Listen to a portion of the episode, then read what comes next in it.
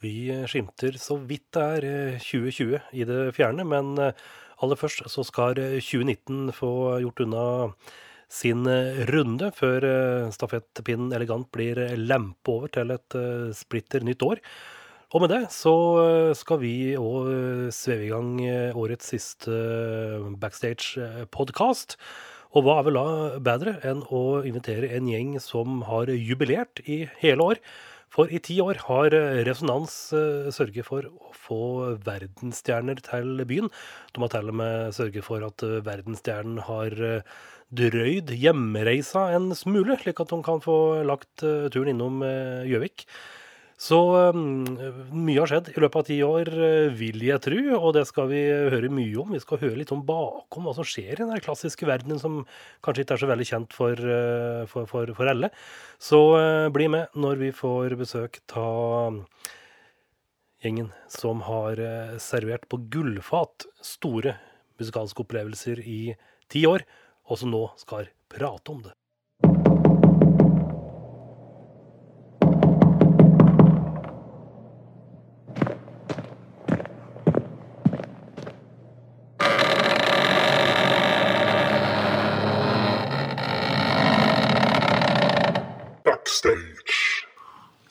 Er så heldige at vi nå har fylt opp eh, backstage-studio med gjengen i Resonans. Tre stykk. Dere har fylt opp samtlige plasser i den vesle bua vår. Vi er høflige. Vi starter med damene. Kristin Fyran Mikkelsen, vi har eh, Johannes Skyberg og Gunnar Flakstad. Velkommen skal dere være. Tusen Tusen takk.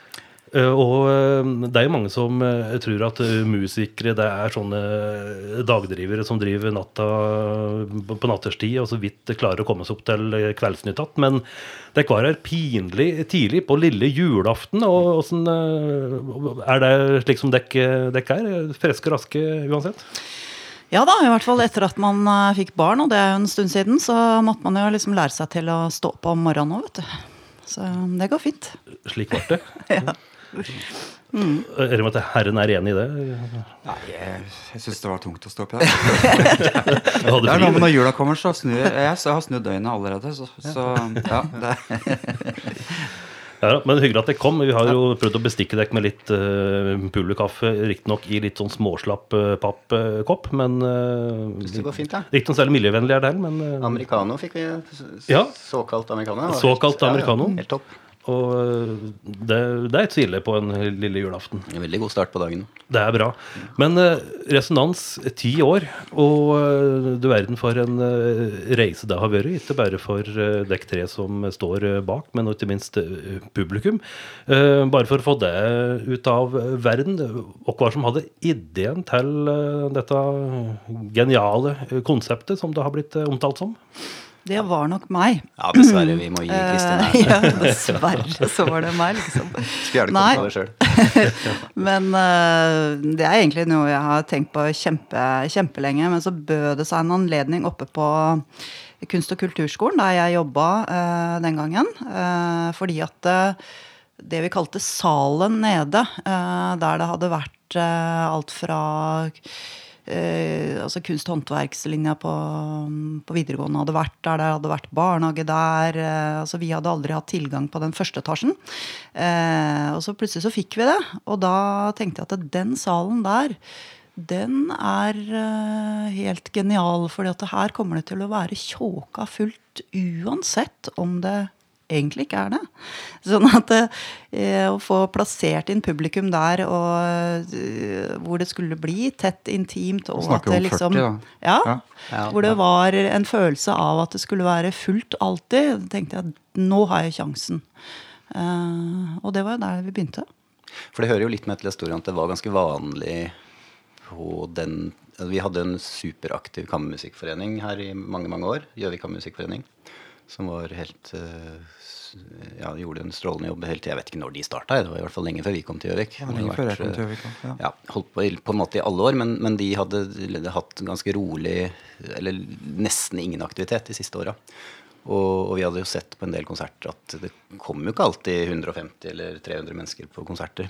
Så det å ha det i et så lite rom var Da tenkte vi at kommer det 40, da, så er jo det helt kanon. Er jo, da er det jo fullt. Men så få har vi jo aldri hatt, da. Eh, Nei, det har vi aldri aldri det hatt. viste seg jo det at folk syntes det var innmari gøy å komme i det lille rommet. Så ble det plutselig det, ja, Jeg vet ikke hvor, hvor mange vi hadde på det meste i det bitte lille rommet, men det var vel 150 eller et eller annet. Da, tror jeg, da fikk vi faktisk en mail fra, brand, fra en fyr som lurte på Har dere ja, jeg vet ikke om, om han hadde tipsa brannvesenet om det her, men han var i hvert fall sånn, han lurte på om vi hadde tenkt litt på det med brann, brannrestriksjoner Rømningsveier og sånn. Han trodde det vi lå dårlig, dårlig an der.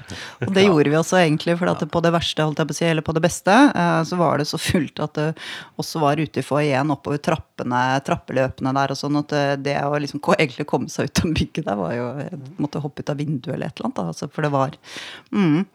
Men det Nei. gjør noe med folk, det der, da. ikke sant? Å sitte så tett og oppleve Altså En ting er å være tett på musikerne, det mener vi er, er en superkvalitet med det konseptet her. Men også det å sitte tett sammen, så mange mennesker, eh, så tett, det gjør noe med energien i rommet. Som, eh, så det Det var noe vi da tok med oss egentlig sjøl som musikere. Mm. når vi møttes for å så prate om denne ideen til Kristin for første gangen, så var det, så var det liksom der vi starta med å liksom øh, Når er det liksom best å, å spille konserter? Når er det vi trives best? da? Og det er jo når det er så tett på publikum. I hvert fall for vår del så har det vært sånn. For min del. Så å ha det det å spille konsert kan jo være ganske skummelt. Og det er også for, for, for musikere så ufarliggjør det og situasjonen litt. Grann. Å ha, det så tett og være liksom inne i den- samme eh, rare bobla. Ja. Mm. Men eh, sånn ifra eh, starten, eh, var det litt sånn eh, visjon når dere tre kom sammen om at eh, jo, vi prøver å arrangere litt konsert, litt sånn dann og vann, og kommer det noen, så er det hyggelig å prøve å ha det litt Det var litt større planer? Nei, det var nok litt større planer enn det. For vi tenkte jo f.eks. dette her med Skulle man liksom lage en festival kontra eh, en helårsserie? Og så gikk vi jo for den derre helårsserieideen. Og, og det visste vi vel sånn i hvert fall en millimeter eh, at dette kom til å bli en ganske stor jobb. Vi skjønte jo virkelig ikke hva vi hadde satt i gang, altså. Det, eller i hvert fall ikke jeg. Eh, Men, eh, men nei, vi tenkte absolutt ganske stort altså med en gang. Eh, den, og vi hadde vel egentlig nærmest flere konserter de første årene enn det vi har, eh, har nå, så vi kjørte på, altså. Eh, Så det var ikke noe sånn dann og vann eller se hva som skjer, eller noe sånt. Så vi hadde en eh, veldig sånn klar eh, visjon om veldig mye fra første stund. Ja, og Mm. også at vi skulle, dette skulle vi holde på med i Det var ikke sånn at vi bare begynner å se hva som skjer. Det var virkelig ganske langsiktige planer. Ja. Ehm, og også det her med altså, Apropos det liksom ja, Jeg vet ikke, det blir kanskje litt pretensiøst å kalle det visjoner, men litt visjoner rundt uh, det her f.eks. å prøve å skape festivalstemning hver gang, selv om det ikke er en festival. Så Ja, det var noen... festivalene som var, Ja. som var opplevelsen av å være på festival, men, eh, som, som, som, eh, som lå til grunn for den stemningen vi ville ha på konsertet. Men det, det var liksom inflasjon i festivaler, akkurat da. Det var jo det, Alle kollegaer og, og, musikere de liksom eh, startet opp sin egne festival når de liksom passerte 45 eller 40. Og det, så det var noe med å så- å så prøve å tenke litt, tenke litt annerledes òg. Så, og det, jeg opplevde alle, den gangen at det var mange som snakka om at nå er, det, nå er det snart for mange festivaler. Nå må, må, må vi tenke litt nytt. Mm.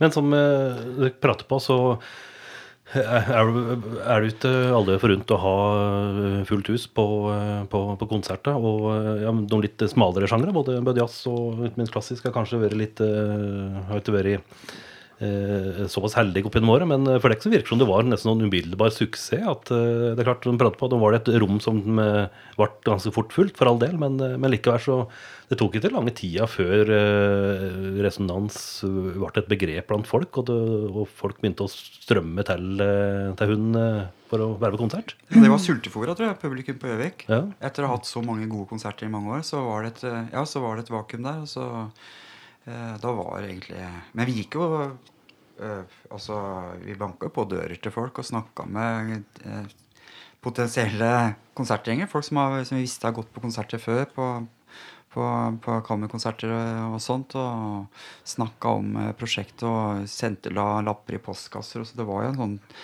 eh, kjempejobb før den første konserten. Jobba med det et halvt år. Ja, det, og der gjorde vi en del ting som jeg tror nesten ikke jeg hadde turt å gjøre det om igjen nå. Eh, fordi at Eh, For eksempel så hadde vi en eh, stor medlemsliste. ikke sant? Vi rekrutterte og rekrutterte og rekrutterte. Og de ante jo ikke hva de skulle få, og vi ante det nesten ikke helt heller. ikke sant? Eh, så var det egentlig et kjempestort ansvar uten at eh, jeg igjen egentlig helt skjønte det. Da var jeg veldig på. altså I hver en eller annen sammenheng jeg var i, så prøvde jeg å rekruttere medlemmer på på holdt jeg på å si, alle tenkelige og utenkelige måter. Og så var det til slutt noen som sa at det, men det er jo liksom litt rart, da, for vi, vi får jo ikke vite noe om eh, hvem som kommer på disse konsertene som du har tenkt å sette i gang, eller Men du vil gjerne at vi på en måte skal betale inn kontingenten, og så, og så videre. Så ja, eh, og det stemmer jo det. Så tenkte jeg at ja, ja det er jo litt pussig, men her må vi bare kjøre på. fordi Igjen da, så var visjonen at hvis vi klarte å få til to sånne åpningskonserter med helt stinn brakke, da tenkte vi at det da var mye gjort. Mens hvis det liksom kom la oss si 10-15 stykker, så ville det vært litt sånn nedtur. Og, og det slo til, det, altså, fordi på de to første åpningskonsertene så var det skikkelig sånn stinn brakke og nesten litt sånn følelse av eh, at vi måtte sende noen hjem, eller at det var lang kø ikke sant, utafor kulturskolen. Alle disse tingene her som vi hadde håpa på, men eh, ikke helt turt å tro på, selvfølgelig. Vi visste jo ikke. ikke sant? Så, Vi visste jo at det kunne bli fullt. Da vi visste at det ikke var Gjøvikhallen. Så var det det vi ville, egentlig. Vi Ja. ville på en måte skape noe altså, Gjøvikhallen er jo kjempesvær. Og så komme med noe kammermusikk der, det er, jo, det er jo et ordentlig risikoprosjekt. Og da blir det ofte litt lite folk. Så, så, så hun, det var liksom Det var lite nok til at eh, vi hadde en følelse for at eh, det, var, at det kunne bli en sånn opplevelse. da. Og, og at eh, det var uformelt. Eh, eh, det var vi veldig klare på helt Ja. begynnelsen av. Vi var egentlig kjempestrenge, for vi, jeg husker vi sa liksom til, til de første som kom, første året i hvert fall, så tror jeg I hvert fall de jeg snakka med, så sa jeg liksom ifra at og jeg tror det var Gunnar som sa det en gang, som på et møte vi hadde en gang, at det var veldig veldig viktig. At eh, de måtte ikke pytte seg. De kunne ikke ha på seg konsertklær, de måtte ha på helt vanlige klær. så, så, så kom, til, kom til oss å spille, og nå får ikke lov til å ha på deg eh, konsertklær. Du du må, må- måtte være helt liksom, Du må snakke eh, med publikum. eh, Så det har sklidd ut litt, da. Ja, ja, nå er det jo flere som pynter seg. Vi hadde jo, det var jo litt søtt med sånn, Jeg vet ikke om vi har kommet så langt. Er det, er det rom for anekdoter? Veldig mange. Ja, ok. Ja. Jeg bare kom på hun eh, Det var jo et år her hvilket ja, sammen når det kan ha vært. Det var vel en fem, fem år siden ca. Karin Krogh og Bengt Hallberg skulle holde konsert for oss, da. Um, og Karin Krogh eh, skulle hente henne på flyplassen, for der skulle vi møte Bengt Hallberg. Og så kom jo hun ja, jeg synes jo nesten litt sånn overdressed, men ok, det var supert. Det var jo veldig elegant, da. Så flott, det. Og så sitter vi der og tar en kaffe og venter på Bengt. Og så plutselig så Nei!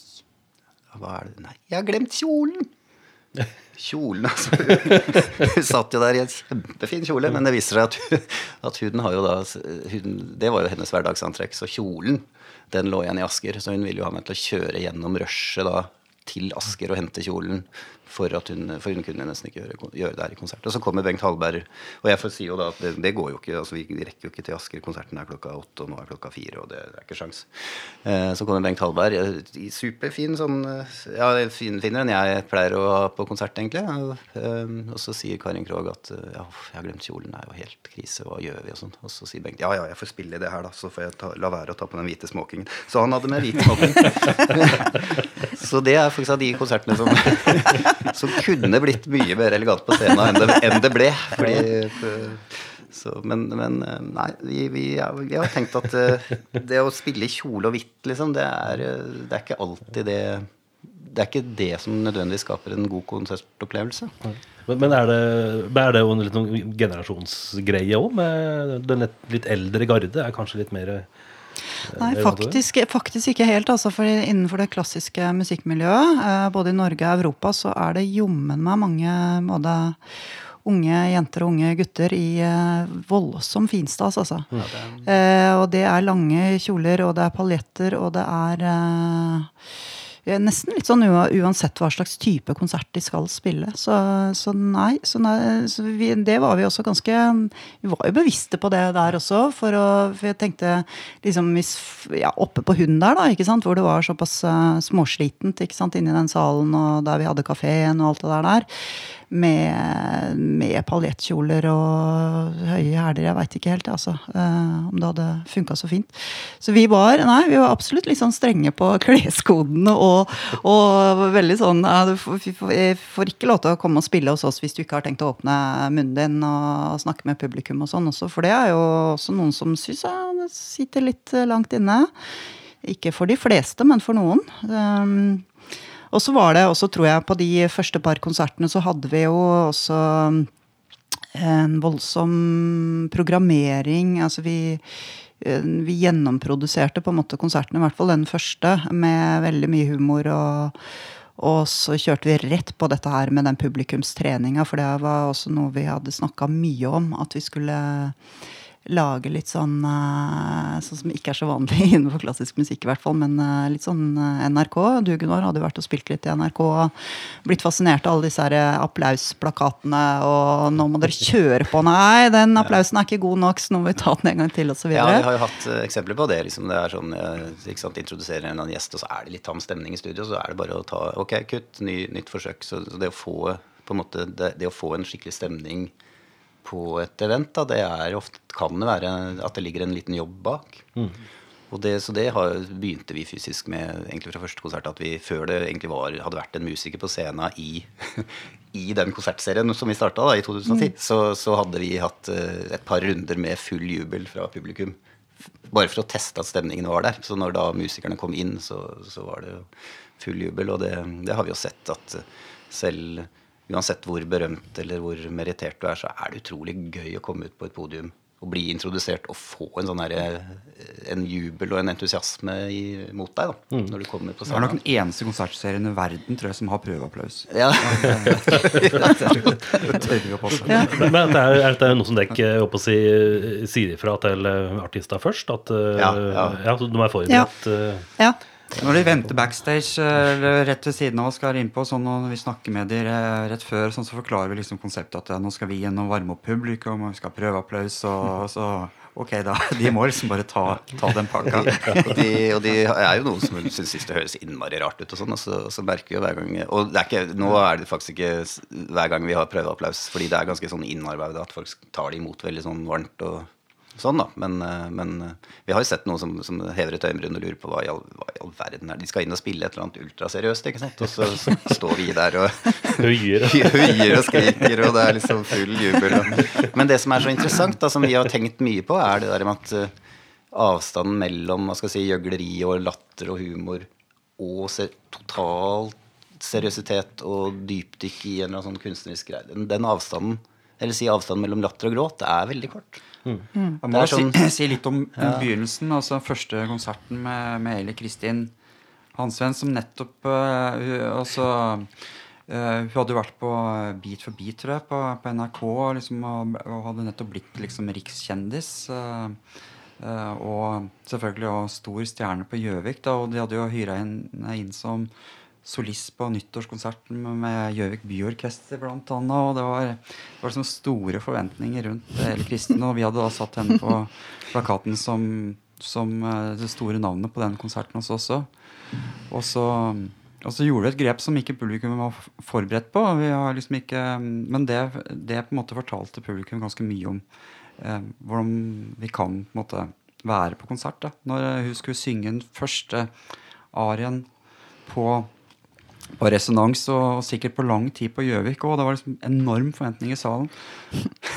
Ja, det var Omeo Babina Caro, ja, hvor uh, Laretta og en... hun truer med å kaste seg i elva. Ja. Denne rollefiguren, da.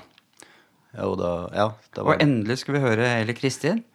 Og da bak ryggen til Eli Kristin så sto Ja, det var Mari Katrine Brostuen Hagen da, og var, skulle liksom spille faren til Lauretta. Så hun står bak ryggen og tviholder på Lauretta så hun ikke skal hoppe i elva.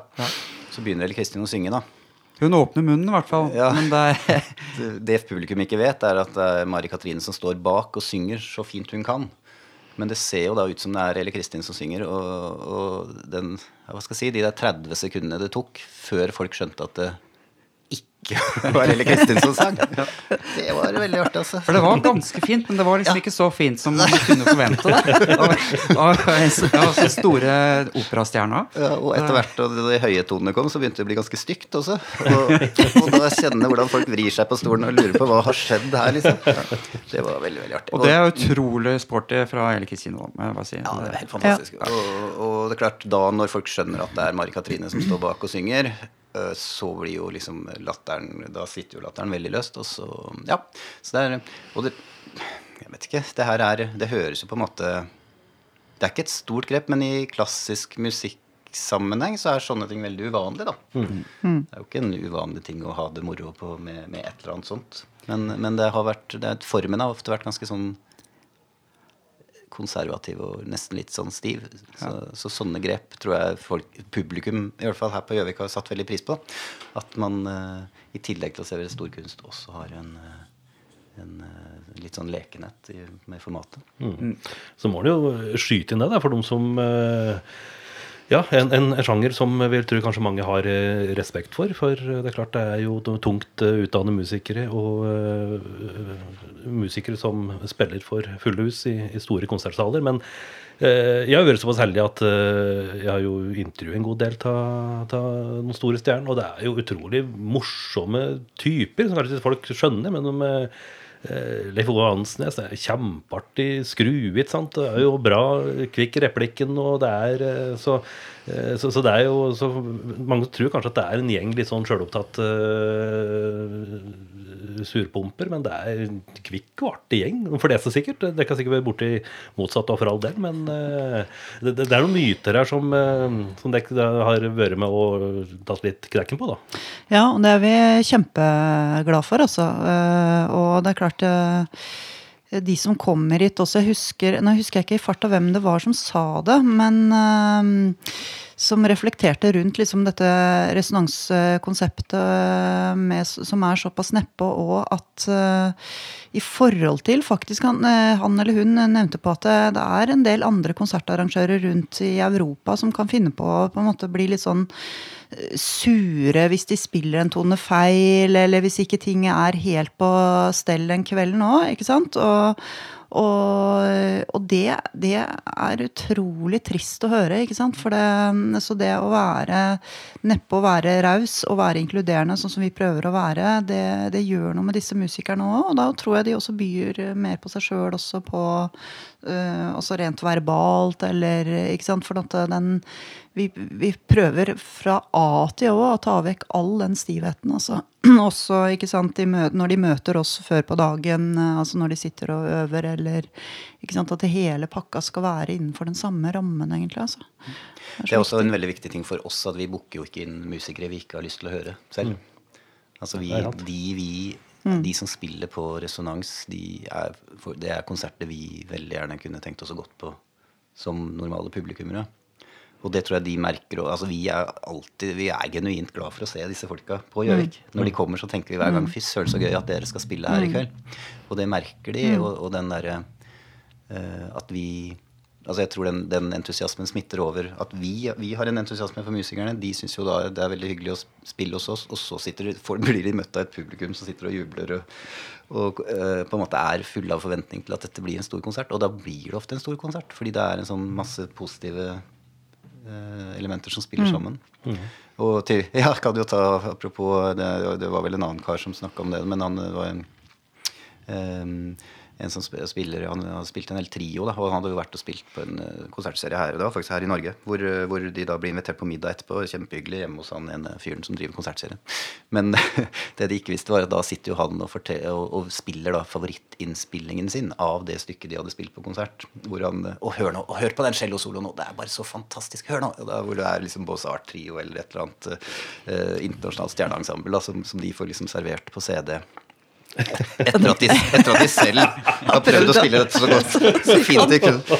Så det er liksom et eksempel på en, en ikke så vellykka grep av en Det var sikkert godt ment. Ja, det var sikkert og, godt og det er klart, det det der, Slik skal det gjøres. ja, og det er jo antagelig uttrykk for en veldig sånn musikkentusiasme. Og man, og man tror som kanskje man kan, Det er lett å tro at, de, at musikere er jo så De vet jo hvor gode de er, og de er overhodet ikke Hva skal jeg si de, de trenger ikke denne, noen støtte, men, det, men kunstnere er, det, det er følsomme folk ofte.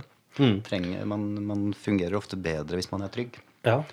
Jeg hadde jo, jeg håper å si, eh, apropos anekdoter eh, Jeg var jo så heldig å ta en prat med Paul Lewis når han, han var her.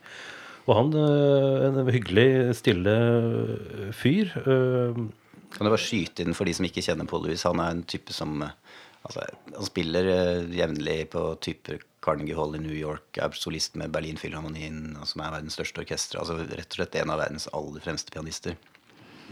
Ved ved siden av deg, kanskje? Man det?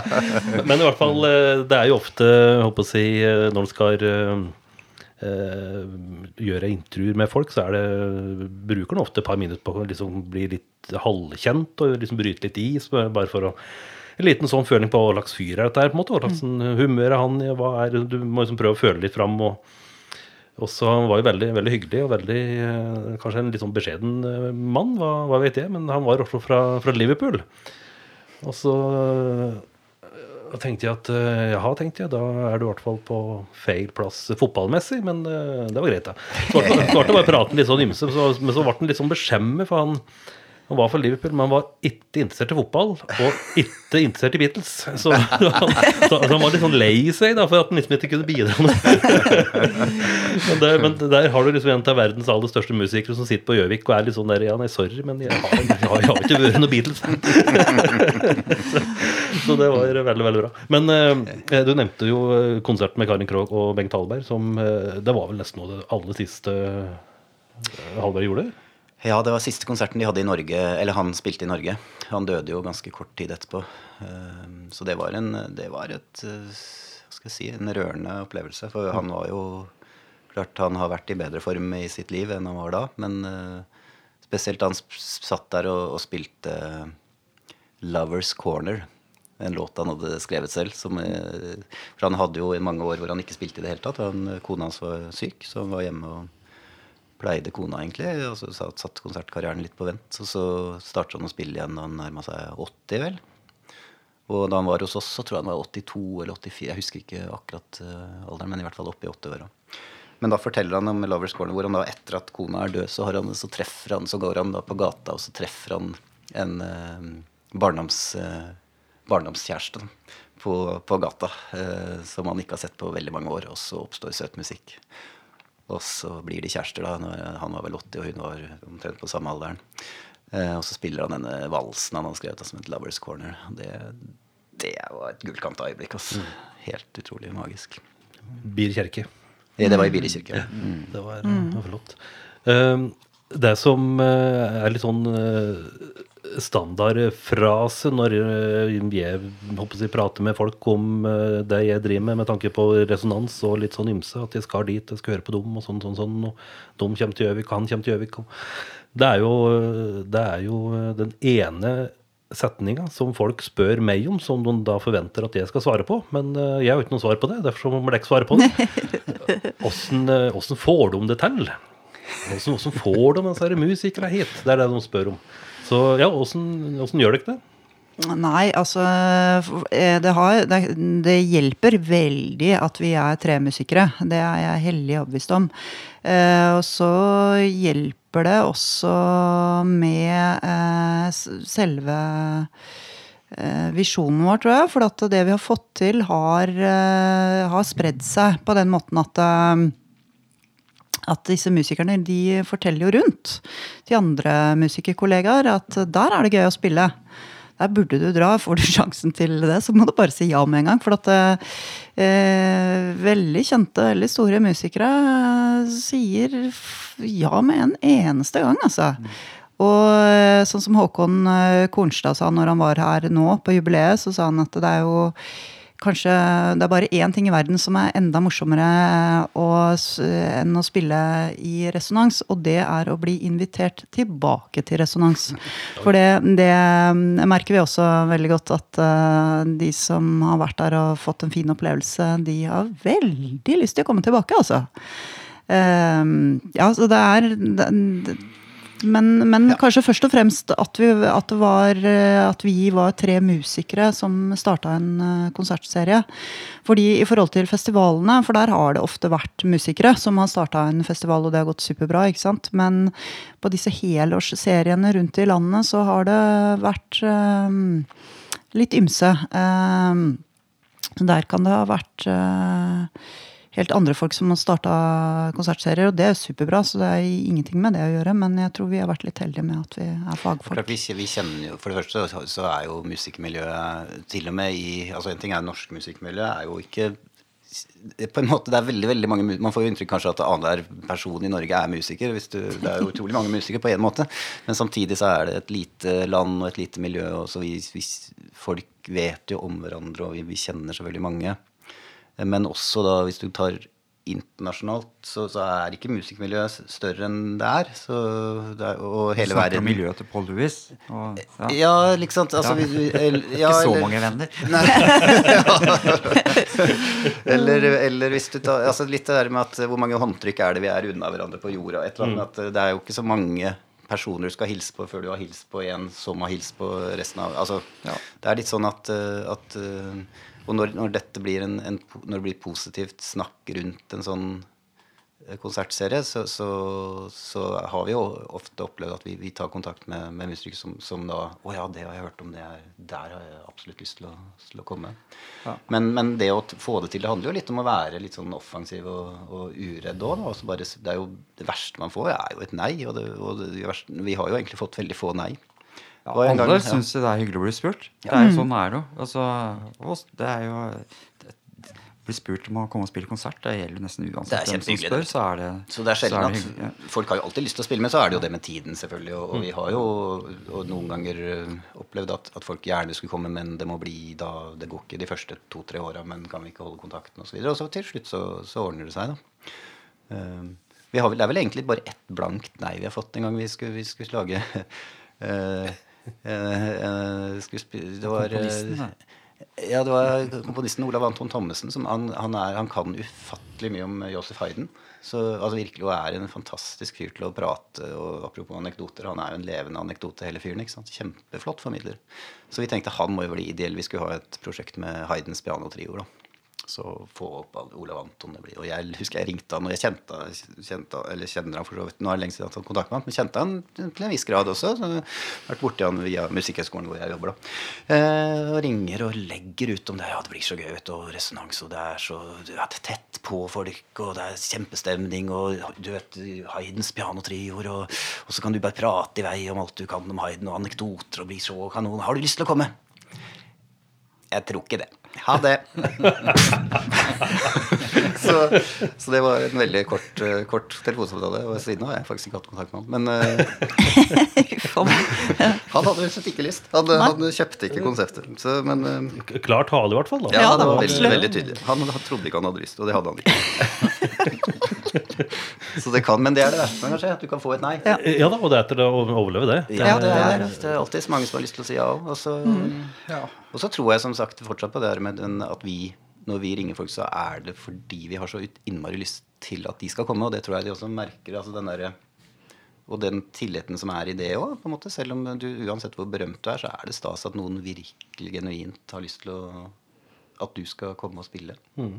Men er det, er det, slik at eh, det er dere som da legger inn en bestilling på hva musikere skal, skal spille, eller kan de sjøl eh, sette sammen et gullprogrammet sitt? Ja, det kan de som regel. Det hender at vi eh, går inn og er produsenter, og det gjør vi kanskje en tre-fire ganger i året, altså, hvor vi helproduserer en konsert, hvor vi har en eller annen sånn visjon og drøm om at de skal gjøre sånn og sånn. Øh, men øh, ofte så er det Som regel så er det egentlig motsatt. At øh, vi sier noe altså rett og slett bare at spill det du har aller mest lyst på, du. Så det er en uh, litt sånn blanding uh, av det. Og da er det jo også dette her med at uh, har de lyst til å bytte ut litt repertoar, eller liksom bare tenke helt annerledes også den dagen de er her, så må de gjerne gjøre det. ikke sant? Fordi det er jo en annen ting som vi har vært veldig bevisst på, at vi skal ikke ha trygt program. Eh, for det, og grunnen til det var egentlig at vi var så irritert på alle disse konsertene vi sjøl hadde spilt på eller vært på, ikke sant? hvor folk sitter og fingrer og fikler og med dette Ja, får vi høre det nå, ikke sant? hvor det er sånn type lyd hele tiden. Eh, og også en sånn fokus eh, som, som, går vekk fra det å være samla og være sammen, og, og ned til også å lese. At man tenker at akkurat da trenger vi kanskje ikke å lese. Det er klart. Eh, og, og, da blir det også litt sånn det der med at de skal bli veldig mm, overraska eh, fra gang til gang. For det er jo det andre, andre tingen som er utrolig vært veldig viktig eh, for oss. At til sammen, når vi programmerer fra gang til gang så har vi også en veldig klar visjon om at uh, den neste konserten den skal være uh, litt sånn diametralt motsatt av forrige konsert. Det er ikke alltid vi får det til, men ofte så uh, hender det til og med at vi overrasker oss selv. At, at, vi kommer ned der og, og blir egentlig akkurat som publikum. Det hender ofte at jeg sitter der at jeg blir helt sånn kjempeoverraska at Oi, var det det her det ble? Så gøy! Det var jo helt annerledes enn det jeg trodde det kom til å bli. og Eh, og de mest gullkanta opplevelsene for meg som arrangør er jo også når jeg liksom helt glemmer at jeg er arrangør, og bare sitter her eh, sammen med publikum og, og, har det helt kanonbra. ikke sant? Eh, og så må jeg på en måte, når det er helt slutt, altså når vi skal på en måte få de over til eh, kafeen eller eh, resonans barn, holdt jeg på å si, så, så må jeg liksom vekke meg sjøl litt opp. For at Å ja, jeg er jo egentlig på jobb, ja. Jeg skal jo Ikke sant. Så um, Nei, så det, det er mange, mange, ting her som ligger i den eh, visjonen som uh, har vært spennende å arbeide med og så utvikle videre også, uh, syns jeg. altså. Eneste kravet som vi har gitt stort sett alle, det er vel at det skal ikke være for lang konsert. Ja, at, uh, det har vært viktig. Vi skal prøve å holde oss uh, rundt timen, eller litt over timen. Og det er vel òg egen mm. erfaring at eh, er, det, er den særlig lenger, så, så, begynner vi å slite og krølle programmet også. Så, så, så det, er, det, er, noe med Det er liksom perfekt eh, dose. Og så er det jo det at vi skal jo ha loddutsalg Altså loddtrekning også, så det skal være tid til det. Da, da må vi bare si det sånn at eh, du får Vet du spiller det veldig fint, men det får vi ikke tid til. Så nå skal Gunnar trekke men er, er, det Vi hører jo om eh, jeg håper å si, eh, artister i alle sjangere som på en måte har en såkalt rider. Det betyr at de har en kravliste til arrangører som de vil ha oppfylt for å kunne trives. Åssen er det i eh, den klassiske verdenen? Nei da, der er de, de er veldig beskjedne der, altså. Og heldigvis. For der tror jeg vi hadde blitt litt sånn små uh, irriterte. Mm. Jeg tror 80 blitt, av eh, klassiske musikere vet ikke hva raider betyr engang. så, så er det noen få som ber om litt vann og litt frukt, kanskje. Ja, jeg husker Arve Tellefsen. Han var sånn Ja, er det noe du trenger? Ja, nei, han ville gjerne ha et glass vann. Så det, skulle, det ordna vi. Da sprakk det budsjettet. ja, men uh, bare det. Altså at vi, vi At de, når musikerne kommer, at vi tar imot dem på, på en ordentlig måte som kollegaer. At vi har, at de får mat, at, de, at det står litt vin og, og, og forskjellig på, på, på bakrom og sånt. Og det, det, det, setter de veldig pris på. Mm. Ganske enkle, enkle kosten, altså. Ja, det vil jeg si. Altså, veldig, og det, i det hele tatt, det er jo, det gjelder jo Og vi har jo ikke bare klassiske musikere, som, som sagt. da, Det er jo øh, øh, veldig sjanger Det er jo en sjangerfri konsertserie. Mm. Men jeg vil si generelt, i hvert fall musikere på det nivået som vi snakker om her, er øh, veldig, det er hardtarbeidende og veldig seriøse folk. Så det er, det er ikke sånn at de, eh, de bare slenger innom og, og, på en måte stiller en masse krav. De, de, stiller masse krav til seg selv, først og fremst. Mm. Det, er det, det vil jeg si er en sånn fellesnevner i altså all, all kunst på høyt nivå. Så, så er det, det er folk som, jo, som har jobba og jobber hardt hver eneste dag. Med, og vi spiser helt vanlig òg. Ja. Altså, sånn går det greit med en pizza eller vil du ha noe i restauranten, en biff eller om det altså Uansett så er det liksom uh, De bare spiser, de spiser vanlig mat. De tar, ja. de tar det de får. Ja. Det, de er klassiske musikeren, de aller Ja. fleste. Det er ikke sånn som på Øyafestivalen. Der er det sikkert eh, 90% skal ha, skal ha et eller annet glutenfritt med Økologisk. Ja, og- det er nøk- nøkterne Så der har men- popbransjen å lære. Ja. Men, men veldig kompromissløse som sagt når det kommer til, til det kunstneriske. Og de jobber eh, hardt. Og, og, og selvfølgelig, vi er jo nå veldig heldige. Vi må jo gi kred til Gjøvik kommune da, og Kultursenteret som, som faktisk greide å skaffe et så bra flygel. Eh, som, eh, som gjør det mye lettere å invitere musikere på høyt nivå. Spesielt pianister, selvfølgelig. Men, men, eh, men bare det at, at den eh, blackboxen, som egentlig er et veldig nøkternt rom, da, for å si det forsiktig, det er jo bare en blackbox.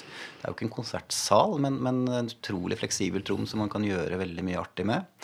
Men det at man da har et, eh, et instrument av toppklasse som, som kunne stått egentlig hvor som helst i en sånn tilsvarende type størrelsessal. Det er jo ikke det aller største flygelet i, i, altså, som Steinway har gitt, men, men det er en- altså en C-modell som som, som dekker de behovene. Sånn at, at, at det, det at forholdene for å spille på det nivået de er, er der, det er, det er veldig viktig. Så det er supert at kommunen har, har det instrumentet der.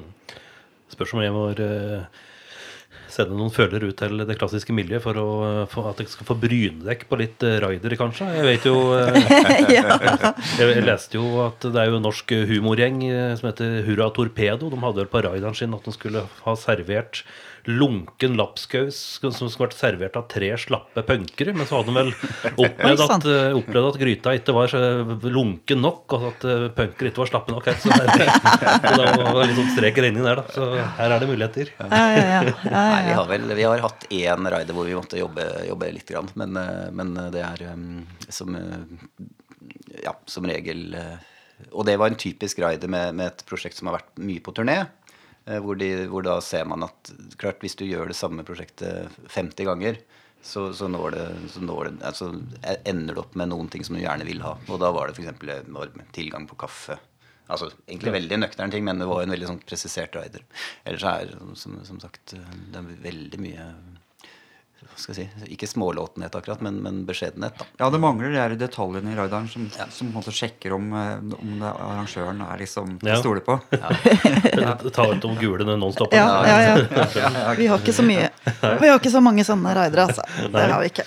Men eh, etter eh, ti år, og ja, det må være godt over 100 konserter i hvert fall? det- Ja, det er det. Ja, Det er godt over. Mm.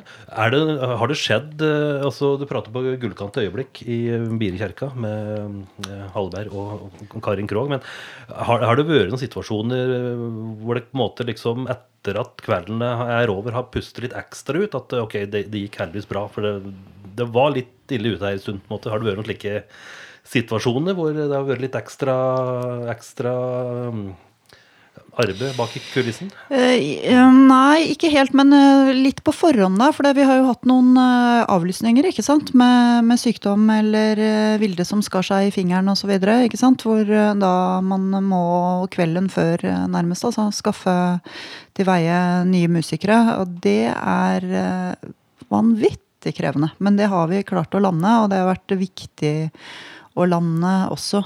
Eh, Ja, de fordi, avlysningene vi har eh, hatt, det er vel, jeg tror jeg er tre faktisk bare Ja, i løpet av ja. eh, ti år, så det er jo ikke mye. Men hver Nei. gang så har vi greid å skaffe Vi har klart på samme nivå ekstremt klart på ekstremt kort varsel. Uh, fordi alle støtteordninger og sånn som vi har, ikke sant, om det er Kulturrådet eller hva det er for noe rart, der må du um, levere på antall. ikke sant? Hvis vi har sagt at vi skal ha ti konserter, eller hvis vi har sagt at vi skal ha tolv det året, så ryker jo støtten. eh, altså ikke hele, selvfølgelig, men de tar vekk litt av støtten hvis ikke vi har klart å å levere eh, de antall konsertene vi har sagt. Ja, og så er det selvfølgelig overfor publikum. Det er jo utrolig kjipt å ha Ja, selvfølgelig. Absolutt. Lett, og så skal de bli avlyst. Så, så vi har, og det, det- Apropos Vilde Frank som skulle være her, da, så var det jo da var det Tine Ting Helseth som steppa inn på to dagers varsel, var det vel. Og Mm. Da hadde vi jo, Det var jo veldig morsomt. Det er en fin ting for oss som arrangør, da, for det var det flere som gleda seg til felespill. ikke sant, Og en av verdens beste fiolinister, liksom, som de skal komme og høre. Og så kommer det en trompetist. Selv om hun er kjempeblid, så blir vi litt sånn åh, ja ja. Men jeg får jo gå og se hvordan det blir. Og flere som oppsøker oss etterpå bare åh, vi var, de var så glad for at, at det gikk. Og det her ble jo Ja, dette var sikkert minst like bra. Altså de ble virkelig fjetra av av den konserten også. Og, og det er jo en sånn morsom ting med, som resonan- med resonans i det hele tatt, at, at de som hva skal jeg si, går utafor sin Sett at du er en sånn felenerd, da, så går du bare på felekonserter.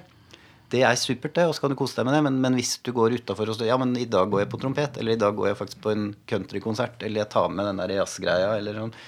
Og så idet man kommer på konserten, så merker man at ja, men det her er jo også skikkelig fint. Og det er, apropos visjoner, da, en av de tingene vi har vært veldig opptatt av. At vi, vi vil gjerne utvide uh, musikalske horisonten til folk litt. Og den utfordringen har, er det mange på Gjøvik som har tatt. Så vi ser jo en god del gjengangere som, som egentlig går på alt.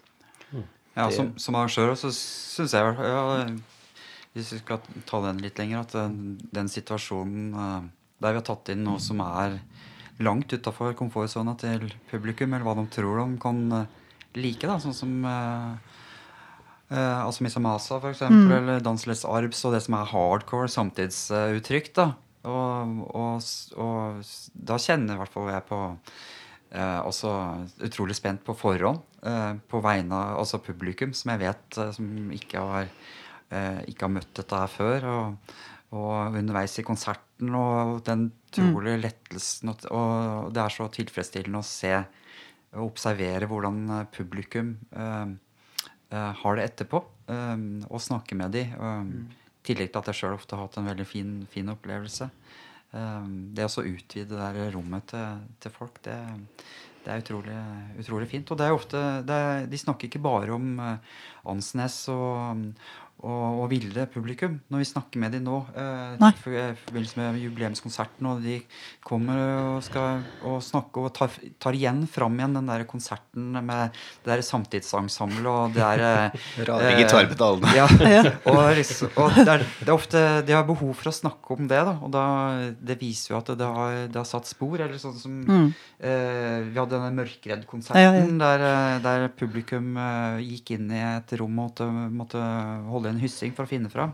Eh, eh, Totalt mørkt, ja. ja, det var helt Hele totalt mørkt. Og at det er også noen sånne eh, opplevelser som, som, som, vi har, som vi har dratt det med på. eh, og som, eh, det er veldig gøy, syns jeg. Og så er det morsomt det med at vi, når vi har ulike sjangere, så, så ser vi også at det genererer ulik publikum. Sånn at eh, Ja, vi hadde en flamenco-gitarist her, for eksempel, med band. Så kommer det plutselig et, et nytt publikumssegment som vi ikke har sett på så mange andre konserter. Men plutselig blir noen av dem med videre til en annen Ja, ja. konsert. Sånn at, at vi For da er det jo, viser det seg at det er jo en sånn flamenco-danseklubb her, ikke sant? På Gjøvik, som må glede seg skikkelig mye til akkurat den konserten. Og det er så kult med sånne ting.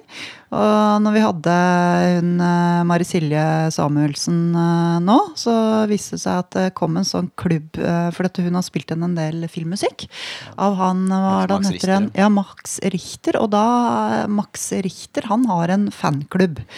Og der var det noen sånne norske duder da, som eh, reiser rundt og får med seg alt eh, De klarer å spore opp alt mulig rart når eh, Max Richter er på programmet. Og de kom jo eh, og ville ha De hadde en egen, kjøpt seg en egen fiolin, så de ville at Mari Silje skulle skrive på den fiolinen og sånne type ting. ikke sant? Det er kjempegøy for oss som arrangører, og, og, og litt sånn overraskende vinklinger, da. Det ble flyturs og signering ja. av fele. Mm. Ja, det- Det var, det var, det var Veldig stort. Ja.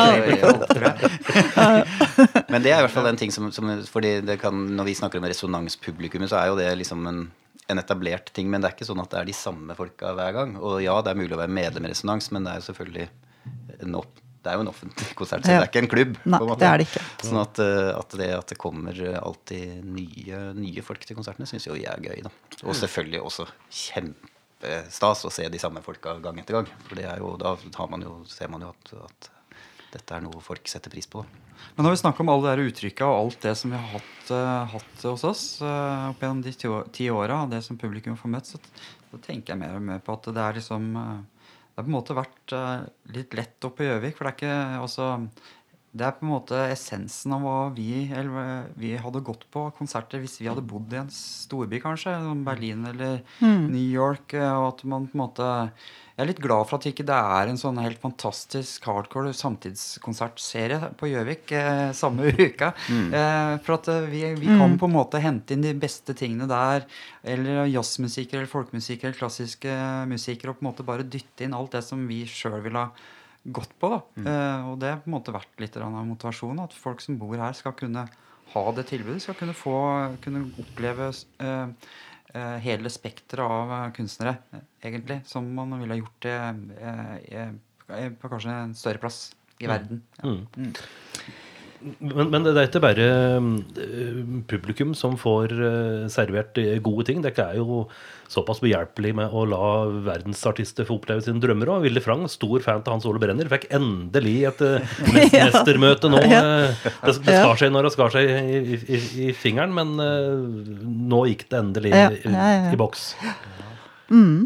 Nei, det var, det var vel egentlig vi Ja, vi har jo snakket, Hans Olav Brenner har jo vært der ved et par tidligere anledninger, og det har jo Vilde Frang fått med seg. Hun har jo fått med seg denne serien, og vi har jo prata med henne. Hun har vært der også en gang før. Nå var hun jo her i, i, tidligere i år, men uh, også en gang for ja, det må ha vært sju-åtte år siden. Ja, ja.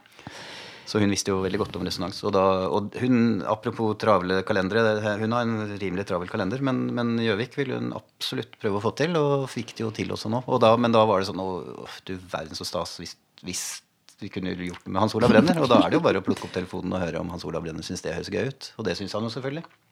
Og dermed så har vi et konsept som er Og det er morsomt, for det var jo kun mulig å oppleve på Gjøvik da, og, og Snertingdalen. I fjøset til der er det, ja, det, det var Hans Olav som fortalte der. Han hadde truffet Arild Erikstad, som er musikksjef i NRK, som, som sier da at eh, ja, det, ja, De kom inn på Vilde Frang, da, så sier han at eh, ja, det er nesten synd, og hun er jo blitt så utrolig opptatt, så hun, hun har jo ikke tid til å spille i Norge lenger. vet du. Hun er jo bare rundt i verden, hun også, sier han.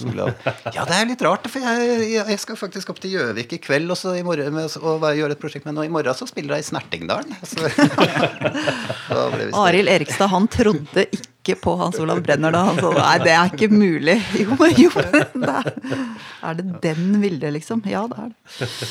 Det er bra. Nå, eh, Ti år med, med resonans, eh, det har blitt feire. Det, det kan jo feire hele året, nærmest. Det har jo vært i festkonserter ja. mm. hele, hele år. Ja. Vi syns det har vært en kjempeartig Veldig artig sesong. Utrolig flotte, flotte opplevelser. Ja. På, mm. Så har vi gjort noen eh, litt nye ting også. fordi jeg tenkte jeg skulle si litt om det der med at vi har denne her eh, klubben, holdt jeg på å si, klubbresonans eller kafeen vår etterpå. Eh, For jeg, jeg tenker på noe av i hvert fall min visjon da når jeg starta, er det det å være sammen med folk og, og sitte og lytte, oppleve veldig veldig store ting. Noen ganger så kan man også bli eh, provosert. ikke sant? Det er ikke sikkert man liker det man hører. Det spiller egentlig ingen rolle, men det å ha eh, opplevd noe sammen, og så kan man gå ned, eller gå ut og, med en gang, og så sette seg ned og spise litt. eh, og diskutere, ikke sant. Hva er det man egentlig har opplevd her? Det er en så utrolig spennende ramme.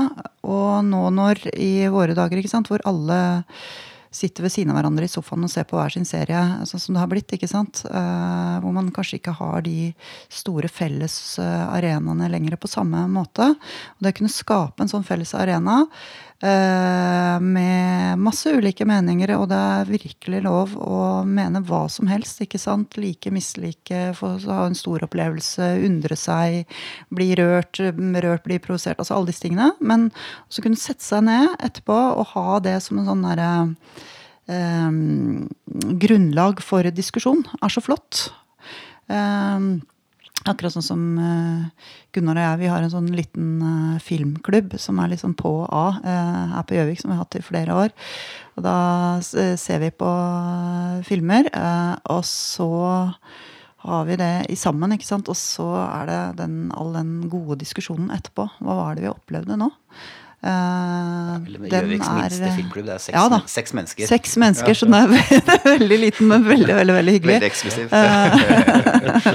Så, så, det er, så det er noe med det der, å være i sammen, altså. Og at vi har klart å bryte ned disse skillelinjene mellom eh, publikum og, og musikere. ikke sant? At vi er eh, på det beste. De beste opplevelsene er en sånn følelse av at det blir kreert, på en måte. Altså at det skjer noe eh, helt sånn unikt eh, i sammen mellom publikum og musikerne. Så det er nesten vanskelig å si om det er holdt jeg på å si, publikummerne som spiller, eller, eller, om, eller musikerne. Med eller omvendt, for at det skapes noe i sammen uh, inni det rommet der, inni den blackboxen. Vi ser jo også diskusjonen mellom publikummere og musikere. Etter, for musikerne mm. kommer jo ofte ut og tar et glass vin eller får seg litt mat, og sånn, sånn at det, den minglinga som pågår, mm. det er ikke lenger noe For ofte hvis, hvis du har vært på konsert i ja, en sal med 1200 mennesker, så, så, sitter jo artisten backstage, men da er det jo gjerne bare de som eventuelt kjenner den artisten, eller, eller som er sånn hardcore groupies mm. som går For det er jo vanlig at folk går og faktisk banker på døra backstage og, og sier takk for konserten, men det er bare noen veldig, veldig få. Mm. Så du kan jo i prinsippet, når du er ute og reiser sånn, så spiller du konsert, og så treffer du egentlig nesten bare arrangøren. Mm. Um, og, og, så er det til neste sted, og så, så kan du mens her er det rett ut til publikum. Og det ser vi også mange musikere syns er veldig hyggelig å prate med, med, publikum. Og ikke minst omvendt. da, mm. At uh, publikum kan stille masse ting de lurer på. ja, Hva var dette rare instrumentet du drev og spilte på der? Så, så kom, er det f.eks. har vært en perkusjonist som lurer på hvordan, hva var det du drev med der? Hvor kom den lyden fra? Videre. Uh, eller Ja, vi hadde jo også, det var jo et grep vi gjorde her med Jon Balke. Han hadde en helt utrolig fin konsert tidligere i år hvor, uh, hvor han på forhånd vi hadde en liten prat med ham på podiet på forhånd. Og så etterpå var det åpent for spørsmål. I, der og da i, mm. i salen. Veldig interessant da, hvor, hvor, folk eh, For da har de sittet og hørt en times improvisert eh, konsert egentlig med en slags løype. som Han, han viste jo da si, notene Kartet sine. for å si sånn. Han hadde et slags mentalt kart da, mm. så, hvor det var tegna en slags løype som han skulle gjennom. Og da husker jeg Første spørsmål var egentlig ja, men hva er det som foregår oppi huet ditt når du driver med det? Altså, var det et eller annet sånn konkret En, en kar hadde reagert litt på det, så man bare lurer på hva det egentlig tenker på. Og det å få den direkte kontakten med musikerne der, det, det er ganske unikt. På, um, det er ikke så vanlig å, å ha, ha, det i, i sånn der og da i konsertsammenheng. Så det syns, mm. det syns jeg er en Apropos gullkamp. Det er jo sjølve grunnsteinen i mm. konseptet. Ja, ja. egentlig det, er det møtet mellom uh, musikeren eller artisten mm. og publikum på, mm. på, det nivået der. Og også det at uh, en konsert er en, en sosial arena. Mm. Og vi har jo eh, ikke bare det som skjer inni på, i, i konsertlokalet, men også kafeen og alt det rundt òg. Vi har jo egentlig jobba absurd mye med det. Altså i til hver konsert i, i ti år. Så, så, så, bruker vi jo nesten like mye tid på å ordne stand og mm. flytte og, og på, på, på, på, bord og stoler for at det skal på en måte prøve å skape en best mulig arena for den de samtalene etterpå. Jeg lurer på hvor mange ganger jeg har tatt med en sånn eh, vi har, noe, Gunnar, vi har vært flere turer ute og handla eh, gamle lamper og møbler og sånn for, for, å skape litt stemning. Og hver gang eh, man må reparere en sånn lampe fra, fra 60-tallet. For at det, plutselig så gnistrer det, og så smeller det litt. Og så, og så. Men eh, at, man, at, at, vi gjør den jobben, at vi tar der, uh, bruker noen timer på de detaljene som på en måte er helt usynlige, og som, uh, som, som, man kanskje kunne la være. Men det er liksom, det syns jeg er på en måte uh, Det er superviktig. At man mm. tar tak i Ok, så det er ikke pære i den der lyspæra godt i den lille røde lampa. Da, da må, da må bare det fikses. Ellers så blir det ikke konsert. Men jeg regner med at det nå går for ti nye år. Det er vel eh, Det er ikke vits å stoppe nå? Det er i hvert fall veldig moro når, når, det, ja, når det stopper som, som, nå, så er det veldig moro. Det er veldig gøy. Det er kjempegøy. Så får, får vi se Ti år er kanskje litt offensivt si, å love her og nå. Si, jeg vet ikke om vi får ta litt sånn ett år av gangen eller to år av gangen. Ja. Mm. Men, uh, vi har i hvert fall planlagt 2020 ferdig, så ja. det blir et uh, superår ja. igjen, syns vi. da. Vi, det er ti konserter vi har veldig lyst til å gå på der. Mm. Um, ja da, og vi er også litt i gang med å finne ut hva vi skal gjøre i 2021. Og der har vi også noen uh, eh, landa noen avtaler allerede, faktisk. Mm. Ja. Men det er snart godt i gang med ti år, da. Så her, her, her, går det unna. Ja, ja, ja. Åssen mm. er det med, med dekk og, og, jula nå? Er det, er det ikke noe lei eh, julemusikk? Lei musikken sjøl? At det blir eh, noen dager nå i helt stillhet? Eller må dere bort og spille litt sjøl og høre på noe? Uh, ja, altså hvis vi, det å få tid til å øve litt sjøl, det er gull. ikke sant? Så det kommer sikkert til skulle være litt sånn klimpring på piano og på bratsjen, kanskje. Men, eh, men, eh, det er også noe med å få litt eh, tid og ro og fred. Kanskje gå på ski, f.eks., hvis det blir seg anledning. Lese bøker. på kino i går så har du sett 'Knives Out'. Nei, gå og se den. Ok? Ja, eller jeg lurer på faktisk om det var siste dag på Gjøvik i går. Men Ja, det er du er en utrolig veldreid film. Altså. Eh, så det med, med han Daniel Craig, som da ikke spiller James Bond, men spiller eh, eh, privatdetektiv. Privat Veldig artig film, altså. Så, nei, så, Jeg syns jula egentlig, så vi skal snakke om musikken, så syns jeg på en måte det er liksom den ene gangen i året man kanskje treffer en annen side ved musikken som er, som er uh, utrolig sterk og annerledes enn det som vi driver med sånn til det daglige. Det er liksom det helt nedpå der vi synger sammen, for eksempel. At, at mennesker synger en sang sammen. Det eh, Synge julesanger. Uh, uh, om man synger 'Deilig er jorden' på julebordet, da, da blir jeg grøtete i stemmen. Det, det, det at, at folk og, og mennesker gjør det, det, det syns jeg er veldig fint. ja, og det deilige jorden er jo en klassiker. Det som jeg, jeg, var, det er, jeg tror Var det på torsdag, da? tror jeg? Fredag var det. Jeg var på, mm, i Norges Rederiforbund spilte på julelunsj. Har gjort i en årelang tradisjon vært der og spilt i årevis. Og der er det der synger de 'Deilig er jorden' til slutt. En veldig vanlig tradisjon, tror jeg. Og Ja. det er like rørende hver Ja, så jeg synes er ja, I jula så vil jeg heller høre vanlige folk eh, Vanlige folk synge 'Deilig er jorden'. synge sammen enn, enn å høre, høre proffe, proffe musikere. Og så pleier jeg også å ta fram uh, platespilleren, for den ligger stort sett alltid under en stor bunke med eh, noter og andre ting. Mm. Eh, men eh, til jula så blir kontoret eh, stua. Eh, og Da da, tas den fram. LP LP-spilleren. Ja, så, jeg, så, begynte, nå, så i går så, så, så begynte vi å ordne hjemme, og da tok jeg fram platespilleren og begynte å spille litt sånn singler for, for unga hjemme. Ja. Og da, eh, for sånn på 80-tallet, da, da begynte jeg å handle plater, og da var det da var det singler det gikk i, og, da, så da var det og, 80, og så starta liksom Da var jeg ikke ordentlig eh, Da var jeg bare ungdom, egentlig. Så da, da gikk det i popmusikken fra 80-tallet. Stemmer. Det var sånn nostalgitripp du gjorde altså. Ja, da liksom kom alt dette her Fant du, fant du noen sånne gjemte perler som du da helst ville ha glemt? Eller Nei, altså, står det inne for alle, alle Jeg kjøpa? syns 80-tallet har fått sin store oppreisning eh, egentlig det siste. Så jeg, så jeg spilte av eh, med stolthet, egentlig. eh, Både den ene og andre. Altså, og, så unge måtte stå til svars på, på hva de eh, om, eh, ja, eh, jeg spilte Lionel Richie, for eksempel. Eh, Noen hi- hiter fra han. og Hello, is it me you're looking for? Ja. Mm. Ja, Ja. måtte spørre, spørre ungene hva- er dette her for noe.